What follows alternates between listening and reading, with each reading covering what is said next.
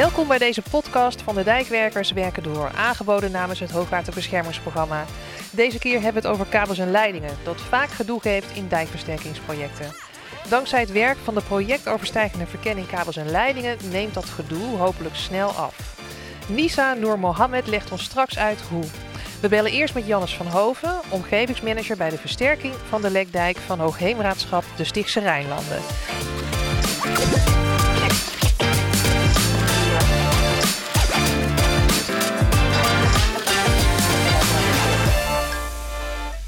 Welkom Jannes. Jannes, uh, ver, vertel eens, wat heeft de POV kabels en leidingen tot nu toe betekend voor het project Sterke Lekdijk? Nou, eh, meerdere dingen, uh, maar ik uh, noem er graag twee. Ik vind in ieder geval, wij merken in de praktijk dat het soms wel twee verschillende werelden lijken: dijkversterkingen en netbeheerders. En ik vind het heel goed dat ze die twee hebben geprobeerd te overbruggen. En ze hebben dat onder andere gedaan met een project Samen Sterk Beginnen. En dat heeft een heel goed stappenplan opgeleverd. Ehm, zo hebben we vanaf het begin contact gelegd met de netbeheerders. En niet alleen hebben we zo een goede inventarisatie kunnen maken. Dus wat voor netten liggen er nou precies? Hebben we het echt over hetzelfde? maar we hebben ook contacten gelegd met het management. Eigenlijk voordat er zogezegd uh, stront aan de knikker is. Een tweede is, uh, we, hebben, we zijn gaan werken met een categorie uh, cruciale leidingen. dat gebeurt in de praktijk eigenlijk heel weinig.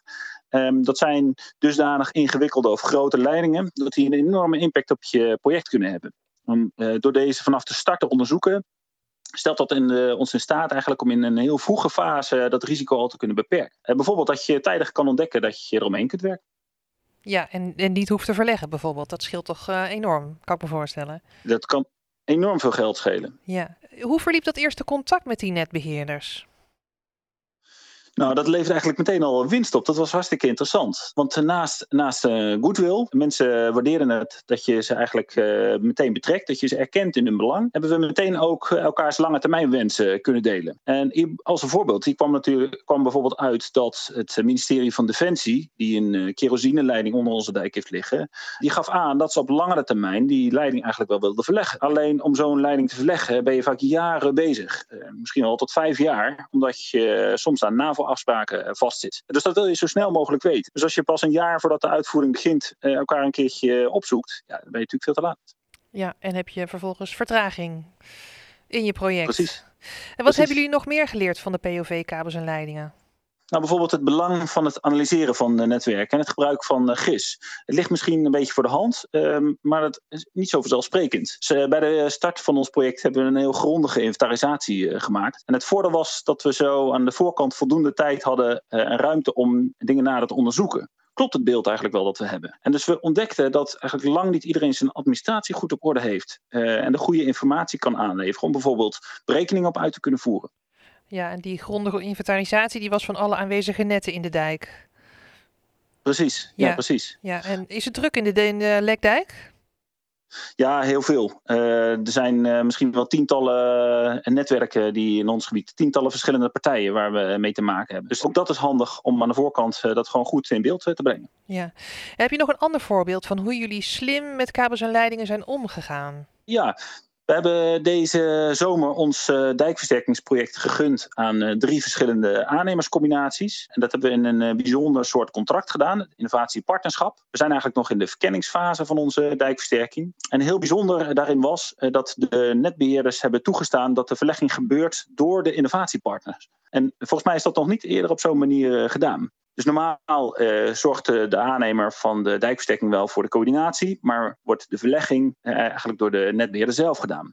En wij kiezen ervoor om uh, zowel het coördineren als het verleggen door de aannemer van de dijkversterking te doen. En we denken dat we daarmee de risico's in een hele vroege fase kunnen, kunnen beperken.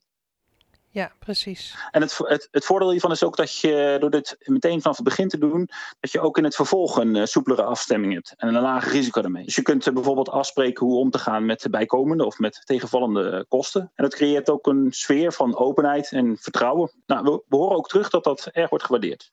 Mooi. En de POV houdt eind dit jaar op.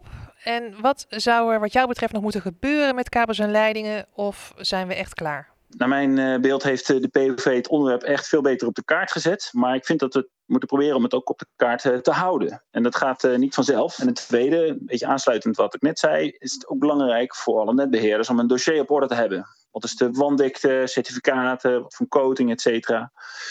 nu is er vaak veel te weinig informatie voorhanden. Moet je dat gaan uitzoeken. En volgens mij valt daar ook nog veel geld op te verdienen. Maar het belangrijkste is dat je de twee werelden blijft verbinden. Zoek, zoek elkaar op. Uh, Jannes, je noemt het is belangrijk voor netbeheerders om je dossier op orde te hebben. Um, wat, wat bedoel je daar precies mee? Moeten de keringbeheerders hun dossier beter op orde hebben? Uh, ja, soms ook. Uh, als waterschappen hebben wij ook een aantal leidingen of netten die soms onder de dijk doorgaan. dus persriool of persleidingen of soms duikers. ja, en in de praktijk constateren we dat wij soms ons eigen huiswerk ook niet altijd goed op orde hebben. Eh, ja, dus dat geldt ook voor ons als waterschappen. Ja, ja. En we moeten de geleerde lessen van de POV vooral niet uh, vergeten. Hè? Hoe kunnen we daar nou voor zorgen?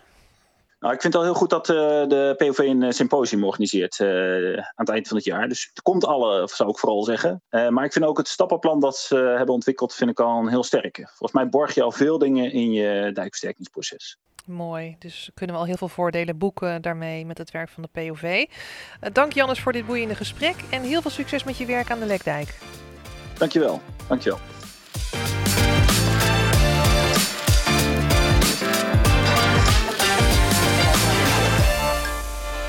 We bellen met Nisa Noor Mohammed. Zij is de leading lady van de projectoverstijgende verkenning kabels en leidingen. De afgelopen drie jaar heeft zij zich maximaal ingespannen om het belang van kabels en leidingen in een dijk op de kaart te krijgen. Bij de keringbeheerders en de netbeheerders. Dus beheerders van kabels en leidingen. Want wat moet je doen als een leiding knapt in een dijk? Nisa vertelt over het veiligheidsraamwerk kabels en leidingen. Dat door de POV, dit samenwerkingsverband, is gebruikt in de praktijk en verder door is ontwikkeld. Nisa, kan jij de luisteraars uitleggen waarom er een speciale projectoverstijgende verkenning nodig was voor specifiek kabels en leidingen? Ja, dat wil ik zeker vertellen. Kabels en leidingen bij dijkversterkingen geven altijd een hoop gedoe. Want ze liggen voor de dijkbeheerder vaak in de weg. Het verleggen ervan is ingewikkeld en duur. En er is ook nog een complexiteit dat er een nieuwe norm is gekomen voor de primaire waterkeringen. Tot voor kort wisten we ook niet goed hoe we aan de veiligheid van die dijk daadwerkelijk moesten rekenen. Bijvoorbeeld als er een waterleiding of een gasleiding ligt. Er was simpelweg geen rekenmethode voor. Nou, verder, een heel belangrijk iets wat ontbrak, is dat er weinig verbinding was tussen de werelden van de keringbeheerders en de netbeheerders. En de netbeheerders, daarmee bedoelen wij de beheerders van gasleidingen, dataverkeer, waterleiding, elektra, en ze hebben wel allebei een maatschappelijke functie.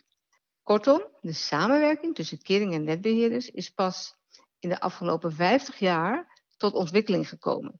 Ze stonden jaren geleden, hebben het echt over 50 jaar geleden, met hun vuisten bij, bijna bij wijze van spreken tegenover elkaar. Het was echt niet optimaal. Ieder zat op zijn eigen eiland. Terwijl het veilig inpassen van een bestaande leiding bij een dijkversterking een van de toprisico's was en nog steeds is bij het hoogwaterbeschermingsprogramma. Als voorbeeld, wanneer er een gasleiding ligt in een dijk die versterkt moet worden, kost dat de gasunie minimaal twee jaar aan voorbereiding om die gasleiding te kunnen verleggen. Dat heeft ook te maken met hun maatschappelijke functie om levering te blijven verzekeren. Nou, wat doet nou de POV-kabels en leidingen? Wij bieden oplossingen samen met de, de beide werelden om ervoor te zorgen dat de leidingen wel veilig ingepast kunnen worden zonder al te veel geld en frustratie. En de manier waarop we werken is vraaggestuurd. Dus de behoefte uit de praktijk is leidend voor wat we doen en de oplossingen zijn dan een voorbeeld voor andere situaties die erop lijken. Nou zijn jullie zo'n drie jaar geleden geloof ik opgericht, hè? de projectoverstijgende verkenning. Um, wat was nou jullie doel bij oprichting? Wat wilden jullie bereiken?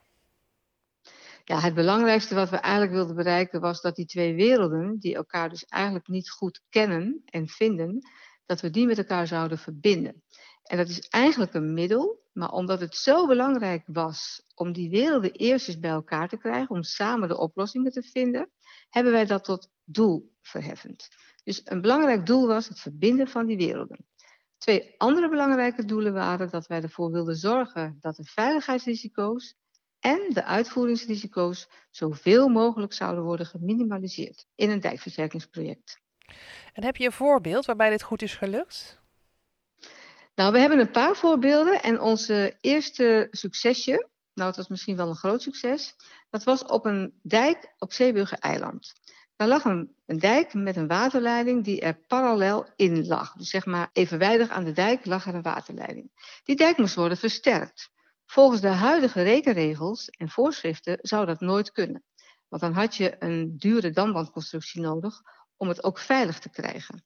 Nou, wij hebben toen laten zien met een nieuwe rekenmethode, samen met de partijen, Waternet was hier de beheerder van die waterleiding, hebben we aangetoond dat die leiding wel veilig in die dijk kon blijven liggen. En vervolgens konden we daarmee circa 3 miljoen euro voor de uitvoering besparen. Dat was ons eerste grote succes, waarmee we aantoonbaar maakten, kijk, die methode werkt, de beide partijen staan erachter. Een vervolgproject is geweest, een hele andere situatie, ook een waterleiding, maar die kruiste de dijk. Dat was in het dijkversterkingsproject Gorkum-Waardenburg met een waterleiding van Dunea. Daar was het wat ingewikkelder, want het was een bestaande leiding die moest worden ingepast. Bij, bij de Zeeburger Eiland was het een nieuwe leiding die zou worden, worden aangelegd. En die kruisende waterleiding, die konden we ook aantoonbaar veilig maken. Nou, een derde voorbeeld van een, weer een andere situatie, nog ingewikkelder, dat was een kruisende gasleiding. En dat was in een dijktraject Wolven de Sprok. En de gasleiding was uiteraard van de Gasunie. Nou, al deze situaties hebben ons geleerd dat het kan met een nieuwe rekenmethode en dat het ook kan met overeenstemming van beide beheerders, zowel de leidingbeheerder als de dijkbeheerder. Je noemde net ook al het veiligheidsraamwerk dat de POV kabels en leidingen heeft ontwikkeld. Kan je uitleggen wat dat inhoudt?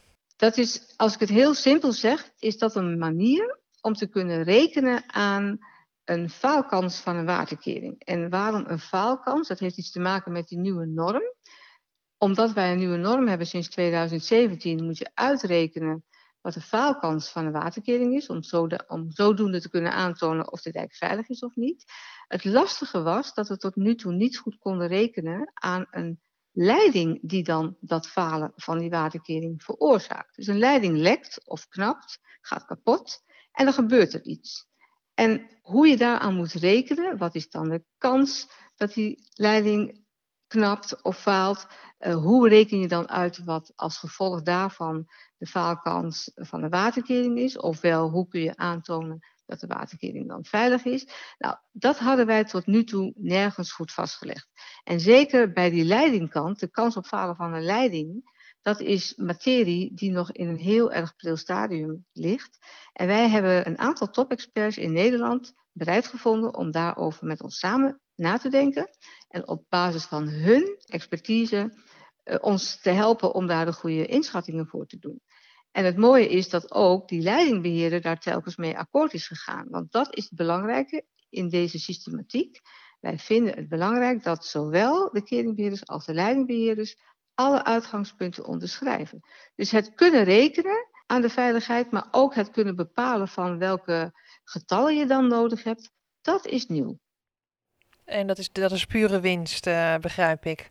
Dat is absoluut pure winst, want dit konden we tot nu toe niet. En het is een mooie start ook voor vervolg in de toekomst, want wij hebben een aantal casussen doorgerekend. Ik noemde er net drie, maar totaal hebben we er vijf op deze manier doorgerekend. Maar dan gaan wij ook de leerervaringen uit opschrijven, zodat als wij stoppen straks, in de toekomst anderen ermee verder kunnen. Ja, en jullie gaan dit jaar al ophouden te bestaan als POV. Hè? En jullie staan ook hierbij stil met een eindsymposium op 8 december. Dat zal geheel online plaats gaan vinden. Is de POV ook helemaal klaar nu? Nee, we zijn eigenlijk net gestart. Waar ik bijzonder trots op ben en vers van de pers, we hebben ook nog een blijvende samenwerking kunnen realiseren tussen de keringbeheerders en de netbeheerders voor de toekomst. Dat was een van de moeilijkste klussen van dit project. Het is een strategische samenwerking met zes directeuren van beide werelden, van elke wereld drie. En ja, het is gelukt. Er zijn mensen opgestaan die willen graag het gedachtegoed vervolgen. En we hebben in de POV namelijk ontdekt dat juist op dat directeurenniveau, het strategische niveau, de verbinding ontbrak. Een belangrijke reden waarom de werelden elkaar niet goed konden vinden.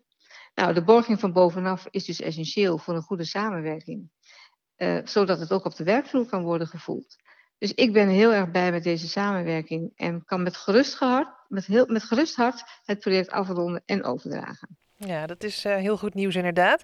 En als luisteraars willen deelnemen aan het online symposium op 8 december, hoe kunnen ze zich aanmelden, Nisa? Ja, het, het beste is denk ik om uh, mij op LinkedIn op te zoeken. Want op het moment dat die uitnodiging uit is, komt die sowieso op LinkedIn.